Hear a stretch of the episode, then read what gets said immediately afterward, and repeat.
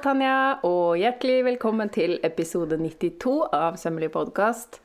I dag har vi besøk av et av mine store forbilder i livet. Og også er jeg jo heldig at jeg tror jeg kan kalle henne venninne i tillegg, så det er litt stas for meg.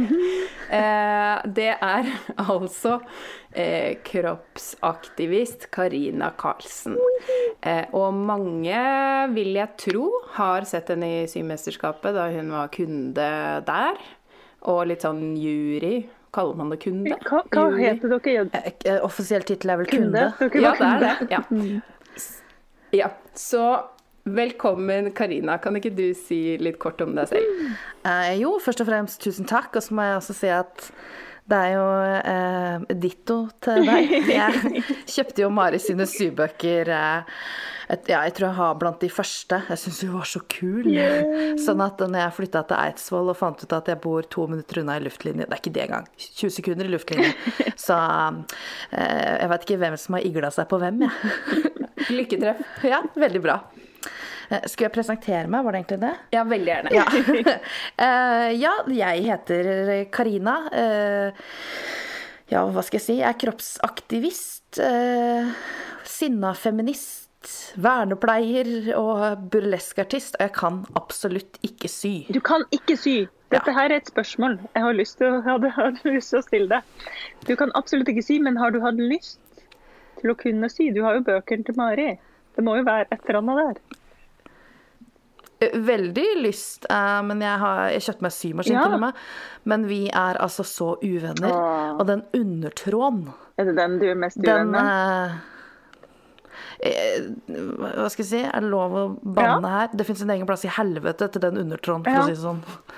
Jeg tror veldig mange nybegynnere kan eh, være enig med deg i det. Altså, jeg husker jo sjøl den følelsen. Men, men da Eh, ja. Nei, Jeg uff. tror jo da at det er overtråden, egentlig. For det blir sånn krøll på undersida av stoffet. Da er det faktisk overtråden, Karina. Eh, Og da er det en plass er til overtråd Ja. sånn. Yes. Ja, dette kan vi ta Jeg kan ta et titt på den Ja. maskina hvis den fortsatt lever. Du, den står nedstøva inni klesskapet. Men jeg har faktisk vurdert å melde meg på sykehus med deg. Og så har jeg tenkt, blir det for frustrerende for både deg og meg, eller skal jeg gjøre det? Så det kan hende at jeg melder meg på, altså. Jeg tenker vi tar sånn, eh, sånn kveld med godis og sem, jeg. Ja. Ja, det, ok, ja, det er jeg med på. Det er koselig. OK. Ja, Da har vi fått avklart sysituasjonen. det er bra. Det er godt. Da vet vi hva, hva ja, status er. Men altså, bort med sømmen litt. Bort med sømmen. Fordi jeg og Mari vi er jo begge to veldig glad i å prate om kropp. Vi syns jo kropp er topp. Og det er jo liksom det Ja, blant mange ting i syverden så er det jo det man kan nerde over. ikke sant? Kropp og passform på klær og tilpassing og sånn. Da passer det helt ypperlig å kunne få prate litt med deg, som er altså um, kroppspositivist. Er det, er det, Ja. det er liksom en, en uh, tittel jeg kan si? Kroppspositivist. Eh, Ja. Jeg bruker det, og kroppsaktivist og fettaktivist. Det kommer litt an på hvilket selskap jeg er i. Gøy. Men hva er kroppspositivisme? Mari er jo stor tilhenger av kroppspositivisme. Jeg skjønner jo hva det er, på en måte. Men vil, hvordan vil du forklare da, til noen som ikke skjønner eh, poenget? Hva er kroppspositivisme? Altså, Kroppspositivisme sånn som det er nå, handler jo om å ha et uh, godt forhold til egen kropp. Um, og det handler jo om den individuelle reisen. Det er jo derfor jeg også kaller meg en fettaktivist. Fordi at det handler jo også om strukturene i samfunnet. Um, og bevegelsen den starta på 60-tallet, uh, så har vi holdt på ja, nå i 60 år, da. Å kjempe mot diskriminering av uh, tjukke kropper. Og så har vi egentlig ikke kommet noe særlig lenger. Det er vanskelig å få tak i klær. Tjukke mennesker tjener dårligere enn tynne mennesker. Um, Det er en norsk undersøkelse som viste at tjukke damer tjener i snitt 50 000 mindre enn tynne damer. Eh, Vi får dokumentert dårligere helsehjelp. Vi blir ansett som dummere, latere og styggere enn andre. Ja, osv. Sånn at uh, kroppspositivisme er den individuelle reisen. At du og jeg, uansett hva slags kropp vi har, skal kunne ha det bra med oss sjøl. Men den stopper jo opp et sted, tenker jeg. Altså, jeg kan tenke at jeg er en fantastisk kul og bra dame, men det hjelper ikke meg når jeg kommer til legen og ikke får helsehjelp fordi jeg er tjukk. Mm. Og da er det strukturene vi må bekjempe. Mm. Ikke sant. Men, men kom kroppspositivisme ja. som bevegelse ut fra denne personlige reisen, eller ut fra liksom, nå må vi gjøre noe med strukturene? Vet du det, holdt jeg på å si? Eller var det begge deler, kanskje? Eh, for meg? Eh, eller sånn generelt, og, og for deg egentlig. Begge deler. Takk. altså, altså, historisk så handler det jo om å bryte strukturene. Ja. Uh, og de arrangerte Det var vel i, ja, i USA et eller annet sted, så arrangerte de Fat In. Hvor de samla seg for å spise is og brenne slankebøker. Jeg elsker det. sånn at Ja. Det er vel litt For å provosere litt, men også for å få fram et poeng. Ja.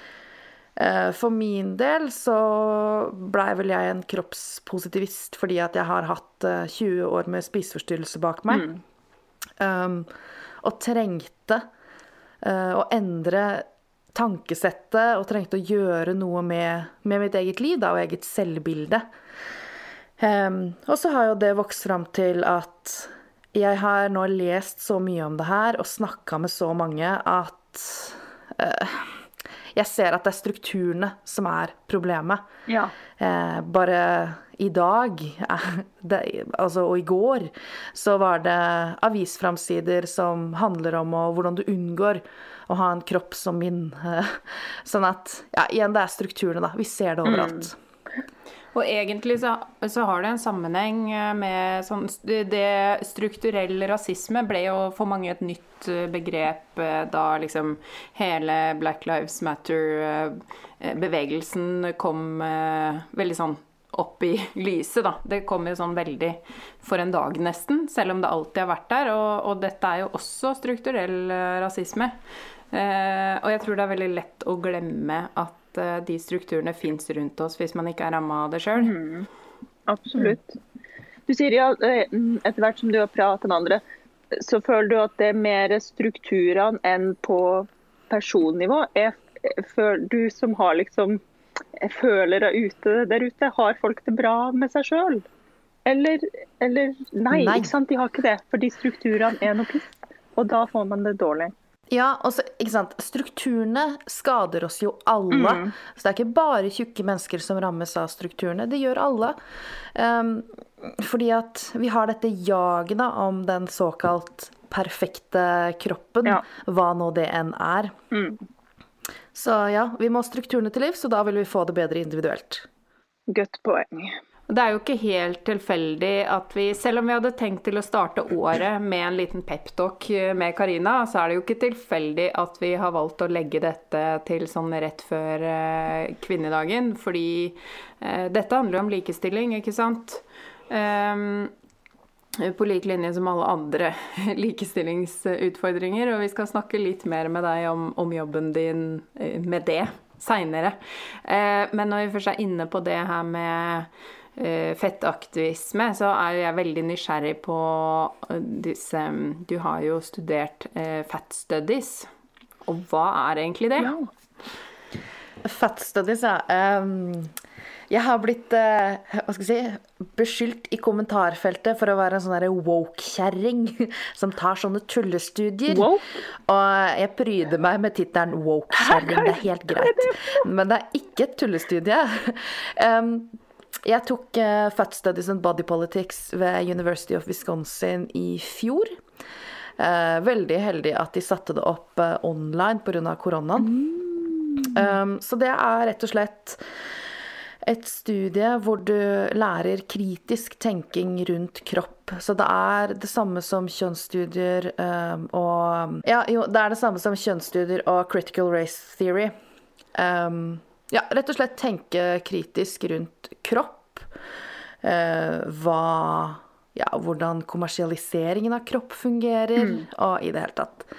Så et veldig godt studie. Jeg fikk meg mange aha-opplevelser underveis. Åh, kan ikke du dele en? Møtte litt egne fordommer. Kan ikke du dele en ja. sånn 'Å, herregud, selvfølgelig', liksom? Har du en sånn?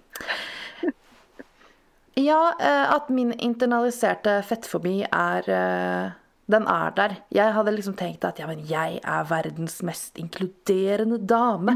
Jeg er jo så kroppspositiv. Og så begynte vi å snakke om ulike eh, typer kropp, altså ulike måter å være tjukk på, og dette her med at det er ganske mange tjukke mennesker som eh, ikke er i god form. Og jeg har jo hele tiden tenkt at ja, og vi må liksom snakke om at det går an å være fat and fit. Men da ekskluderer du jo faktisk ganske mange mennesker. Tenk alle de som er eh, f.eks. tjukke og syke. De blir jo ekskludert fra det narrativet. Ja. Så en del sånne ting, altså det der hvor lite inkluderende jeg egentlig har vært. Og ikke minst eh, historien om BMI og i det hele tatt, at den er ganske styrt av kommersialisering. Ja. Sånn at på 90-tallet så ble den f.eks. Altså skalaen hva skal jeg si, Grensa for overvekt var eh, før 29, og så flytta de den til 25, for 25 var lettere å huske. og da våkna ganske mange millioner Oi. mennesker opp. eh, De la seg den ene kvelden og var såkalt normalvektig, og våkna dagen etter og var overvektig. Og masse helserisikoer og Ja. Nei, altså hele den historien Vi kunne sikkert holdt på i tre timer bare å snakke om det. Men jeg anbefaler folk å lese seg litt opp på det, fordi det kan gjøre noe med med fordommene, da, ved å faktisk søke kunnskap om det her. Men unnskyld, Noe av det er jo så banalt at man må le, nesten. Altså, jeg lo når du sa det med BMI-en, men det er jo nitrist. Vet du, jeg må innrømme at når vi, Det var den første artikkelen vi skulle lese, og så tenkte jeg Lurer hun oss nå, denne, denne læreren? Er dette her for å liksom sjekke om vi er litt kritiske? Så jeg satt og googla, brukte en hel kveld på bare Er det her sant? Og så er det sant! Det er faktisk verre enn det den artikkelen fikk fram. men, Så, ja. men BMI Altså 30 er jo et enda lettere tall å huske. ja. Og nærmere 28 enn 25. Men, men Ja, har vi eh, eh, Nå, ikke sant, jeg henger jo ikke helt eh, med i livet ofte. Eh, BMI, bruker vi det fortsatt? Det føler jeg var sånn som eh, jeg hørte om jeg var 18 år, og noen Ja, og det var en greie. Og så føler jeg jo at i ettertid så har jeg hørt at det er det minst nøyaktige målet eh, Hva skal man si? Den minst nøyaktige målemetoden som finnes. Så jeg trodde at vi hadde gått vekk fra BMI-et, men det har vi kanskje ikke. Det har vi absolutt ikke. Jeg tenker at Da omgir du deg med veldig bra folk som mener at BMI er bullshit. Um, men helsevesenet um, baserer seg veldig i stor grad på BMI. Eh, Har du over BMI 30, så er det ganske mye du ikke får. Det er ulike helsetilbud. Eh, Du får ikke brystreduksjon hvis du er eh, I hvert fall ikke i det offentlige helsevesenet. Det er noen privatklinikker som har litt varierende. Hvis du er transperson, får du ingen form for kjønnsbekreftende behandling. Ikke engang laser hvis du er over BMI BMI Hva har 30. det med, har det med BMI? Nei. Ikke sant? Sånn at it makes no sense. Det er altså, Jeg føler at vi bare pusher BMI som en sånn unnskyldning. Og som du sier, så er jo det her verdens minst nøyaktige måleinstrument. Den måler høyde og vekt, og ja, så er det en eller annen formel der, og så får du et tall. Og dette her er jo en formel som ble laga for 200 år siden av en eh, Hva var det han var? Astronom. Altså, han hadde ingen helsefagutdanning. Um, og dette er på samme tid som vi da angivelig kurerte kvinner for hysteri ved underlivsmassasje. Så jeg tenker helseforskninga har jo gått ganske langt da, siden den gangen. Bare ikke på det området. Man kan jo bli mørkredd av mindre, ikke sant? Det er det som er fælt. Ja. Ja, ikke sant? Men så er det noe med at ja, men dette her er jo mitt liv. Ja, ikke sant? Jeg får f.eks. ikke kneoperasjon. Jeg skada kne i en burlesk-relatert eh, Ja. ulykke under Bergen Pride i fjor. Um, og jeg får ikke kneoperasjon. Altså Legen så på meg i ja, kanskje to minutter, og så sa han av knespesialisten og sa det er ikke noe vits. Du kommer til å bare rase gjennom det kneet. Og så var jeg ferdig der. Og så sa han at han og legen skulle sette meg på slankekur. Og da uten å spørre meg noen spørsmål rundt min helsesituasjon. Ikke sant? Og så forklarte jeg han at jeg har hatt spiseforstyrrelse i 20 år, så jeg skal ikke settes på noen slankekur. Hvor han da bare ser på meg og sier 'jeg er kneekspert'. Og så var samtalen ferdig. Og da tenker jeg er du kneekspert, så skal du faktisk ikke uttale deg om ernæring. Gutten min! Ja. Å gud, vet du hva? Åh, ja, man kan le, så, men jeg blir så ja, både trist og, og mørkredd på, på andre sine vegne her. Altså, hva, hvordan går det? Dette går jo ikke. Hva kan man gjøre? Hva skal vi gjøre? Hva kan man gjøre? Kan man gjøre noe? Kunnskapsformidling. Um, men jeg tror også folk må være litt mer åpne. Fordi at ofte når jeg snakker om disse tingene, så blir folk veldig sånn mm, Men så ille kan det ikke være. Mm, er du sikker på det, ikke sant? Mm. Men all forskningen og all denne kunnskapen, den ligger jo der. Det er ikke noe sånn det er ikke noe hemmelige koder du må bruke for å finne det. Alt ligger der ute. Det er bare å lese om det. Og når vi først leser om det, så må vi også ta det til oss. Mm. Men det er jo som eh, Mari sa i stad, det er noe med at når ikke det rammer en selv, så er det jo fryktelig vanskelig å forstå. Fordi det er jo helt absurde ja, ja. ting innimellom. Eh, folk kan gå til lege altså for en brukket fot. Jeg har et familiemedlem som har gått til lege for en brukket fot. Og fått beskjed av legen at du må slanke deg, det er derfor du har vondt i foten. Og etter da lang, lang tid så gikk vedkommende til privatklinikk, orka ikke mer, og da viser det seg at det har vært et brudd i foten som har grodd feil. Folk som har dødd av kreft fordi legen har sagt ja, men du har vondt fordi du er tjukk, så du må bare slanke deg. Og så viser det seg at det er kreft. Så ja. ja. Kunnskap. Kunnskap. Og du er jo veldig flink på å formidle. Ja. Altså noen ganger Jeg har fulgt det lenge. Bare noen ganger? Nei, nei, ikke bare noen ganger. Det var et hopp fra en tanke til en annen. La meg, la meg starte på nytt. Jeg har fulgt det lenge. Og noen ganger, når jeg ser hvor flink du er til å dele, så tenker jeg bare sånn Du må jo ha nerver og vilje av stål. Fordi, ja, du sier jo det jo sjøl, noen ganger så ser jo ikke de kommentarfeltene ut. Eh, og jeg bare tenker, også, og jeg bare beundrer sånn at du bare fortsetter å stå på. Og jeg er liksom helt kompromissløs på at dette skal frem. Sånn er det. Her, vær så god, eat the cake. og det, ja, det må jeg bare si er fantastisk. Eh, jeg er jo i rekka rett eh, ved sida av Mari, som beundrer. Um, og da lurer jeg på en ting, Karina, som jeg har fått med meg. Eh, i dine sosiale medier. At du um, har uttalt deg om dette ordet 'tjukk'. Og Det har jeg jo sett flere plasser, at liksom folk har lyst til å ta tilbake det her ordet. Eh, og at man skal kunne si 'tjukk' om seg sjøl og om andre. Og, eh, eller, eller, kan man si det om andre? Det er spørsmålet mitt. For jeg får ikke meg sjøl til å bruke ordet 'tjukk' om andre mennesker. Eh, som den strekmannen jeg er, eller strekdama, da. Skjønner du hva jeg mener? Hvordan kan vi ta tilbake ordet tjukk? Mm, jeg lurer først og fremst på hva er det du Hva, det så, hva, hva skjer med deg når du sier ordet tjukk? Jeg føler eh, Ja, hva skjer med meg når jeg sier ordet tjukk? Jeg føler at det er blitt såpass negativt lada i samfunnet, på en måte, at jeg, ikke, at jeg føler meg slem hvis jeg sier ordet tjukk. Skjønner du? Mm, mm.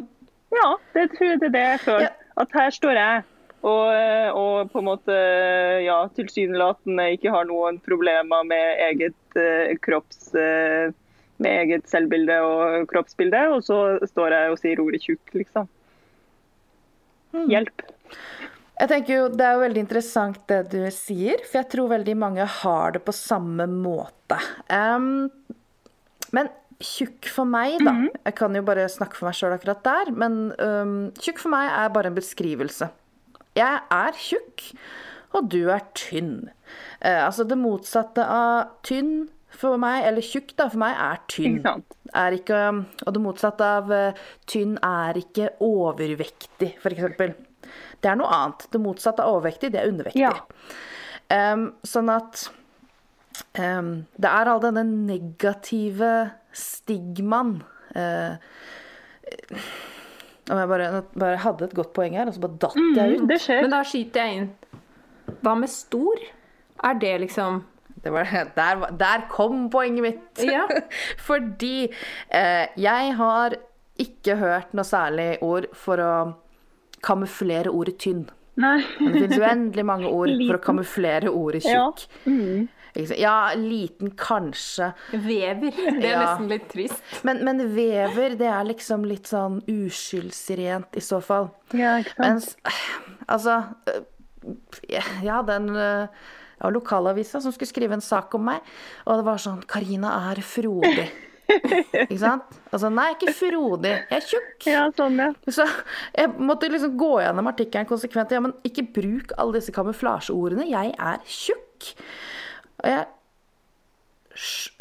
Jo mer folk viser uvilje til å bruke det, jo mer opptatt blir jeg av å ta det tilbake. For det er ikke noe negativt. Tjukk betyr ikke stygg. Det betyr ikke dum. Det betyr ikke uattraktiv. Mindre verdt. Nei? Det betyr bare Det det er bare tjukk. Tjukk. Ja. Men jeg skjønner at folk syns det er vanskelig å bruke, og jeg vet at også veldig mange syns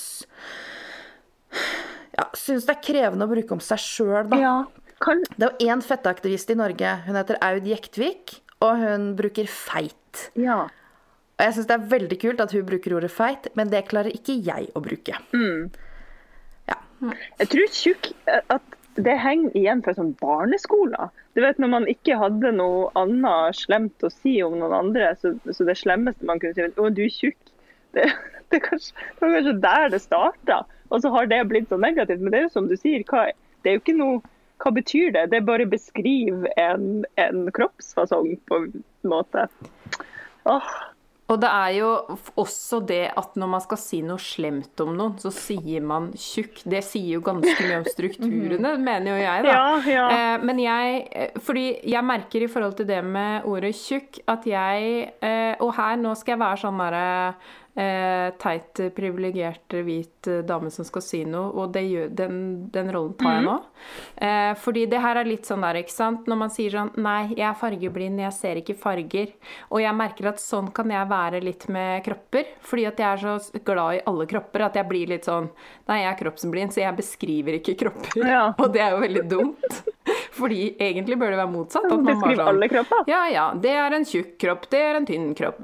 Den kroppen er sånn, den kroppen er sånn. Men så blir jeg bare sånn Bare unngår å, beskrive. Jeg bare sånn t sier ikke noe om det. Og det er egentlig nesten verre, men jeg, men jeg kjenner at der er jeg skikkelig skyldig sjøl. At det er liksom Ja, det er greit å si eh, hun har langt hår. Eh, men, men hvorfor er det ikke greit å si alle de andre tingene. Og da blir det litt sånn eh, Jeg merker at eh, jeg syns det er veldig lett å snakke om ting som jeg har følt på selv, men jeg blir veldig redd for å, å si noe som kan bli gærent for noen, og da kanskje jeg ender opp med å såre dem fordi de merker Ja. at jeg ikke har lyst til å såre Ja, det er jo det. At man Det ikke sånn klar, har kjent på det sjøl. Så man blir veldig var for hvor, hvor skal man trå, liksom. Men det er dette som jeg syns er Som er ganske interessant da med, med dette, det er at uh, kroppspresset, det har vi jo så godt som alle kjent på. I en eller annen grad. Eh, og jeg skjønner veldig godt hva, hva dere sier, fordi uh, denne diskusjonen uh, har jeg ganske jevnlig med folk. Jeg traff, Senest denne uka her så traff jeg en dame som mente at jeg var naiv hvis jeg virkelig trodde at det var enkelt å være slank. Okay. For hun hadde opplevd så mye vondt. Ehm, ja, og da blir jeg litt sånn Ja, men det er jo ikke OL i undertrykkelse, det her. Eh, og da må vi se på strukturene og eh, det individuelle. For jeg tenker at individuelt så kan jo alle ha hatt et skikkelig drittliv. Men strukturene Um, hva skal jeg si, de dytter oss i en retning. Sånn som Mari sa i stad, dette her med at barn kaller hverandre tjukke For for å være Mm. slemme. Eh, Så jeg tenker at når vi, når vi liksom tenker på det at Mulig at jeg roter meg litt bort i poengene her, men at det, øhm, det er så mye uh, Hva skal jeg si? Nå Nå datt jeg ut igjen, jeg. Helt slitt, Ja, jeg. det, kom, ja du, det, det går helt fint. Det kan vi relatere til. Vi bare, vi, vi hekter oss, uh, oss inn igjen, og det vi snakka om, var det at det var uh, dumt Altså den, det at eh, man må dele det opp i, i seksjoner. Altså vi er, det er jo interseksjonalisme. Ja. At alt er mangefasettert. Ja, altså man, holde tunga rett i munnen her. Eh, det er strukturer, men det er også individuelle eh, historier. Og de individuelle historiene skal jo alltid tas hensyn til, men vi må ikke bli blind for det strukturelle. Um, og jeg tenker at tjukk er en av de der strukturelle problemene. Eh, så det er jo lett for meg hvis du sier at å, men Karina er tjukk, så kan jo jeg begynne å tenke på hva mener du med det? Ja. Ja, for kan jeg si at eh, ja, nei, jeg kjenner Karina. Ja, det er hun, hun tjukke på Instagram. Liksom. Jeg kan ikke si det! Det kan jeg aldri si, liksom. Skjønner du hva jeg mener? Jo, altså For min del må du gjerne si det, fordi jeg vet jo hvilken intensjon du Ja, har. Det er litt annerledes når folk skriker det Ja. etter meg på gata. Liksom, «Å, du er så Å, tjukk. Altså, hvis jeg er i godt humør, så kan jeg si takk. Ja. Eller Ja. at oh, gratulerer, du har øyne, du, og de funker. Um, men jeg vet jo fortsatt intensjonen bak det. Ja. Og når folk skriver i kommentarfeltet 'feite svin' og sånn, så Mm. Men det er vel Ja. Mm. Jeg syns tjukk er et mer uskyldig ord enn feit. Ja. For meg henger nok feit Hadde du sagt 'ja, det er hun feite', ja, så hadde det nok vært litt vanskeligere Ja. for meg. Det er noe med tonefallet også, men, men det Og dette her nå, nå skal vi Nå skal syverden øve seg på å liksom sette seg inn i det her Ja. og, og begrepene. Hva, hvordan skal vi eh, bli mer komfortable med både egen kropp, men også liksom det å snakke om kropp generelt. Fordi hvis man ikke snakker om det, da kan man jo i hvert fall ikke endre strukturene. Så et sted må vi jo starte. Um, og, og så tenker jeg jo at noe av det vi hadde lyst til Fordi vi kan virkelig Ja. snakke med deg i timevis, fordi du har, det er så mye spennende vi har lyst til å gå inn på. Men eh, litt sånn for at man skal sitte igjen med noe også sånn helt konkret, da. For folk liker gjerne å få litt sånn tips. Eh, fordi du er- driver jo også med burlesk, noe jeg syns er eh, helt eh, fantastisk. Eh, og det å bruke kroppen har jo mye å si for eierskapet til kropp. ikke sant? Det er jo samme med at eh, man trenger mestring for å, å ha det bra. Eh, og så den derre reisen for din del å ta, ta eierskap til egen kropp og liksom finne eh, egenverdi og, og aksept. Sånn jeg har forstått det, så har det gått litt gjennom bl.a. burlesk for deg. Så det er jeg litt interessert i å høre om, fordi jeg tipper at kanskje andre Det kan være bra for mange andre også. Uh, ja, det med burlesken, det um, var vel litt tilfeldig at jeg havna oppi det. Alltid vært veldig fascinert av det. Så fant jeg ut at det var eh, kurs med Mari Sletten. Min tidligere lærling. Sånn at um, Ja, jeg gikk på kurs med henne. Um, og så vokste det vel fram noe der. Jeg var jeg var ganske bekymra for hvordan det skulle gå. Jeg Ja, mange år med selvhat og alt det der. Um, Men i det dansestudioet så blei liksom alle kropper satt pris på. Eh, Hadde du stor rumpe, så disser det mer. Og har du liten rumpe, så er kanskje bevegelsene raskere. Har du ja, store pupper, så får du kjempeeffekt av duskesnurring, og mindre, da spinner de så eh, enda, ja. Brrt. sånn at um, det var vel noe med at i det rommet så vokste det fram en sånn empowerment. Um, du må stå og se deg sjøl i speilet uh, mens du danser. Så jeg blei vant til å se egen kropp og ja, alt det der. Og så er det noe med at burlesk For det første så er det jo politisk uh, aktivisme bare du, du er ute av normen og går ut på en scene. Um, og det å faktisk kunne ta, ta rommet, bruke humor eh, og faktisk eh, Ja, for å flagge mitt eget eh, flagg. Altså, jeg er dyktig, jeg er en god artist. Um, og jeg klarer å formidle et budskap, og folk føler seg bedre av å ha sett meg på scenen. Men ikke bedre enn en sånn ha-ha, liksom, men sånn fy faen, det var Å, nå føler jeg meg bra etter å ha sett deg. Dette er vi sammen om. Så jeg er jo Fifi Fantassel, og taglinen min er 'politisk lykkepille i stringtruse'. Um, hvilket jeg av og til drar av den stringtrusa, men det er nå så. Um, så ja, det, jeg tenker at det er viktig å finne seg et sånt frihetsrom. Um, og det trenger jo ikke være burlesk, men bare det å sy, f.eks. Kunne bare Hva skal jeg si Forsvinne inn i noe annet. Og kose seg med det. Å kunne eh, faktisk gjøre noe hvor kroppen din ikke trenger å prestere, da, men bare være. Mm. Det vil altså si at det var faktisk eh, litt sånn for meg, fordi jeg har jo snakka litt om det før, at eh, min inngang til å begynne å danse igjen var jo fordi jeg var på noen twerkekurs. Og da kjente jeg veldig på det, bare sånn Jeg har ikke nok fett, fordi det her ville sett så mye bedre ut hvis jeg hadde. For det var litt den samme følelsen jeg hadde i det rommet, at det var bare sånn her er det kroppen som skal få lov til å eh, bare gjøre jobben sin, og, og helst eh, liksom Hun sa også det bare sånn OK, dere, du må huske på at vi må ha fluff på disse rumpene for at de skal riste. Eh, ellers har vi ingenting. Kompresjonstights er ikke lov. Eh, og det kjenner jeg at det har jeg også tatt med meg videre etterpå. At det er sånn når jeg da går nedover gata og kjenner at det rister, og så blir jeg litt sånn Dette er kroppen min. Eh, denne, dette er min bolig som, som jeg lever inn i, og som, som, bærer meg gjennom livet. Eh, for den følelsen da, av at kroppen gjør noe for deg, og at du liksom bruker den eh, til å uttrykke et eller annet, ikke bare å gå rundt med. Ja, det, det, tror jeg kan være bra for mange, da. Samme i hvilken form, om det er å hogge ved, liksom. Så er jo det også eh, bare, bare, det er noe som gjør at man føler seg sterk på et eller annet vis, eller uttrykker noe. Mm. Det kan, ja, det kan absolutt hjelpe, ser jeg for meg også. Men jeg tenker jo også, det har vi prata om litt før òg, Mari, at, at klær kan være en eh, veldig, et sterkt redskap i det å føle seg bra. Og da blir jeg jo igjen lei mm. meg, da, når, når ikke alle mennesker i alle fasonger og størrelser har lik tilgang til å kunne finne bra klær som de liker og syns er kule. Ah! Det blir så trist.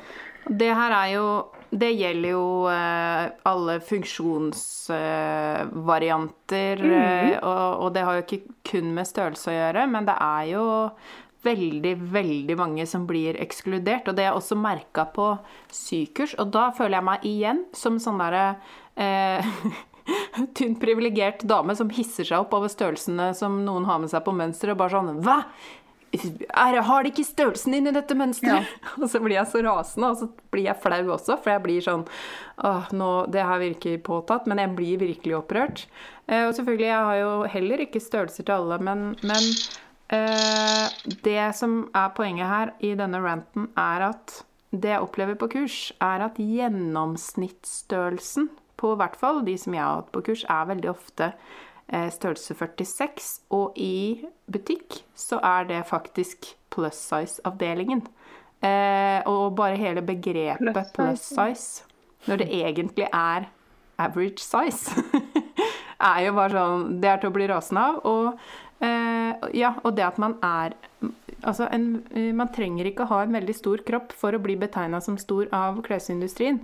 det, altså, selv da jeg jobba i motebransjen, så var det veldig ofte at large ikke passa til meg. Og jeg var ganske tynn. Det var bare det at jeg hadde pupper. og liksom Altså hva eh, De unge som vokser opp spesielt, men det gjelder jo alle, at eh, det, det budskapet man får servert, da, eh, med de bokstavstørrelsene som sier til deg at du er large. Nei, du er faktisk ikke large, fordi du får ikke på deg det her heller, så da får du bare gå og ta på deg en sekk. Eh, det er jo et kjempeproblem. både i, i det, er et, det, er jo økende fokus på det, men det er jo en lang vei å gå eh, fortsatt, da. Mm. Mm. Vi har prata mye med liksom vårt forhold til våre klær og vår egne garderobe. Men Karina, du har sikkert opplevd at du ikke finner klær i din størrelse, regner jeg med? Eh, ja. Eh, kjøper nesten ikke klær i Norge. Nei, ikke sant? Fordi jeg får ikke klær. Ja. Også, hvordan forhold har du til din garderobe? Er du glad i garderoben din? på en måte? Har du et hyggelig forhold til den? Det har vel blitt bedre. Det har det. Um, men uh, det er fortsatt Hva skal jeg si? Det er fortsatt vanskelig. Jeg vil jo veldig gjerne kle meg mye mer flashy enn det jeg gjør, men det er begrensa hva jeg kan få tak i. Um, og det tenker jeg også er Jeg syns det er kjempefint at uh, dere er opptatt av å utvide størrelser. Jeg er veldig glad for den boka til Maria. Så kjempefin. Det jeg tenker er utfordrende, er jo at um, når man ikke har vært vant til å kunne velge farger og ja, litt sånn flashy antrekk, så tenker man Da sender man jo også signaler om at dette er ikke noe du skal gå i. Og da tror jeg det er lett å tenke at det er um, Dette er ikke noe for meg, da. Og at jeg kan ikke, for da blir jeg ekstra synlig, eller jeg skiller meg ut. Ja, altså når man lever en stigmatisert kropp, det være seg om det, man er ja, melaninrik, om man har en funksjonsutfordring, eh, utviklingshemma, tjukk, altså you name it, så har man jo også det stigmatiserte blikket med seg. Så man tenker jo hele tiden på hvordan andre kommer til å reagere på deg. Um, og det kan vel hende at garderoben min bærer litt preg av også. Ja. I tillegg til at det er vanskelig å få tak i klær. Vet du hva, du må dra frem den der symaskina. Fordi da bestemmer du sjøl hva du skal ha på deg. Ja, ja, jeg pleier jo Jeg lager jo kostymer, og da limer jeg det. Så igjen, Mari, vi får ta den symaskinkvelden.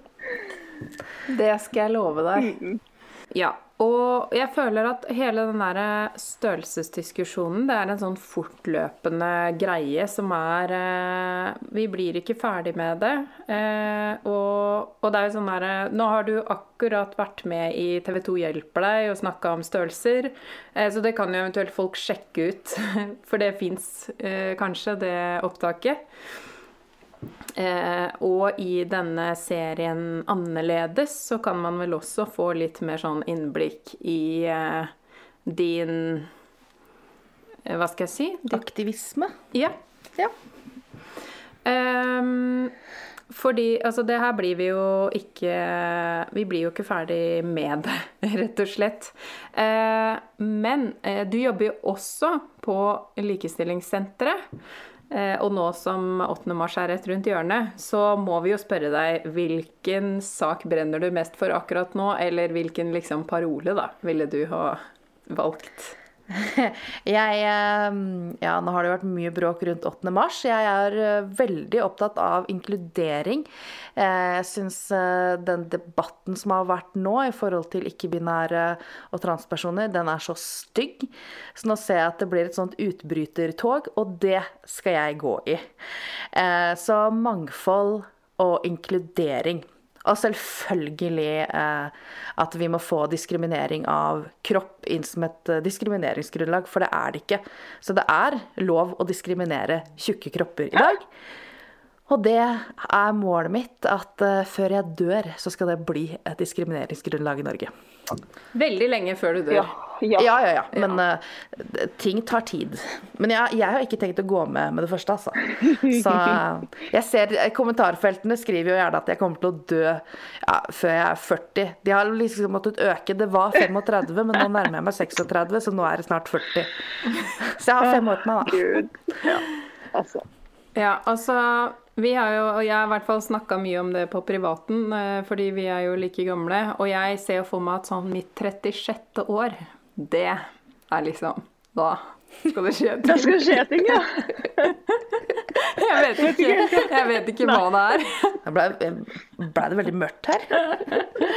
Nei, men, eh, men eh, Nei, det er jo det er, Da skal det liksom Skal bare skje bra ting. Ja. Ja, men så bra. Ja, ja, ja. ja, men det er bra. ja, ja. Um, Kult. Og vi har jo noen faste spalter vet du, som vi må innom. Eh, og vi er jo veldig spente, fordi Skammens skuff det kan jo være så mangt. Eh, og grunnen til at den heter Skammens skuff, bare for å forklare det, da. Eh, for det var eh, Det er jo egentlig uferdige syprosjekter, og det er litt sånn man har jo lett for å skamme seg, sånn som jeg som er en sommerfugl, som skifter mye fra blomst til blomst. Eh, da blir det mye opp i den uferdige kurven, og da ble det skammens skuff. Eh, så vi lurer liksom på har du en skammens skuff, og eventuelt hva er der, og det må ikke være syrerelatert. Eh, mitt er ikke syrelatert, det er limrelatert. Igjen, jeg limer kostymene mine. Så uh, ja, jeg har vel en skammens bod, tror jeg, av halvferdige kostymer. Og åh, det er så mye fælt. Masse acter som aldri blei noe av. Så jeg må ta en sånn opprydding sånn i hvert år, og da går Det blir mye fæle stoffer til uh, uff og sånn. Så ja. Du skjønner at jeg og min ADHD må ned i den boden og ta, ta litt, en liten opprenskning. Du vet hva, hadde jeg tenkt på det før. Du skal få forsyne deg. Du, ja. Kanskje jeg får plass til ting i boden igjen. Dette her eh, lukter uh, ny kostymeepisode. Noen skam, andre skatt. Det, det blir bra. ja. Yes. Ja, og så har vi jo ukas feil. Uh, ukas feil. uh, jeg gjør jo feil hele tida, men jeg tenker egentlig ikke så nøye over de. Veldig bra. Uh, ja, nei. Instagram gjorde en feil her om dagen. De sletta ja, valentinsbildet mitt. Ja, fordi de mente jeg hadde brystvorter eh, synlig, men det var hekla puppedusker som så ut som brystvorter. Sånn at uh, det var, det var mm, ja, hvert fall håndarbeids- ja, Ja, ja, ja. Altså, Så Instagram har gjort en feil, ikke jeg. skjønte ikke forskjell på hekla nippel og vanlig nippel, rett og slett. Nei, og det er kudos til hun som har laga det. da. Ja, faktisk. Bra Veldig bra håndarbeid. Eh, og jeg har jo en feil som eh, er i direkte sammenheng med Karina. Det, og det er sånn også uh, apropos skam. Uh, fordi at til uh, boka Jeg er jo så heldig å ha Karina som modell i plagg som passer perfekt. Og da sydde vi eh, Eller jeg, da, sydde den. det var ikke noe liv på den. I en nydelig eh, jumpsuit i stretch eh, denim. Eh, men da hadde jeg brukt Dere vet det der, folkens, at man ikke må kjøpe sånn billig tråd. Og det trodde ikke jeg at jeg hadde gjort. Eh, men det viste seg fordi det var flere plagg som gikk opp i sømmene ved bruk. Og alle var blitt sydd med den samme tråden. Eh, så Karina kom da med en, denne nydelige jumpsuiten med et hull liksom midt opp i rumpa. Etter å da ha brukt den, og så hadde den gått opp. Og det, eh, det kjente jeg at det gjorde skikkelig vondt eh, for meg. Det var ikke bare det at den gikk opp, men det var under innspillingen av eh, når jeg var med på Annerledes. Og jeg merka det ikke før jeg kom hjem, så da hadde jeg gått rundt i Oslo da, med halve ræva hengende ute. Så Ja, det, jeg skammer meg en del over at jeg var delaktig i det. Da skammer du deg mer enn meg, da. Jeg syns jo bare det er gøy. Ja. Det er liksom noe med å ha satt andre i den situasjonen Ja. som er litt uh, Jeg hadde ikke hatt noe problem med å ha hengende Nei, sant. rumpa Min egen rumpe kunne hengt. Altså, jeg blør jo gjennom uh, over en lav sko, Ja. så jeg har nok av sånne ulykker. Nei, jeg ser den. Å å gjøre noe på vegne av noen andre, det er jo det verste. Mm. Ja, men Da er vi på siste, da.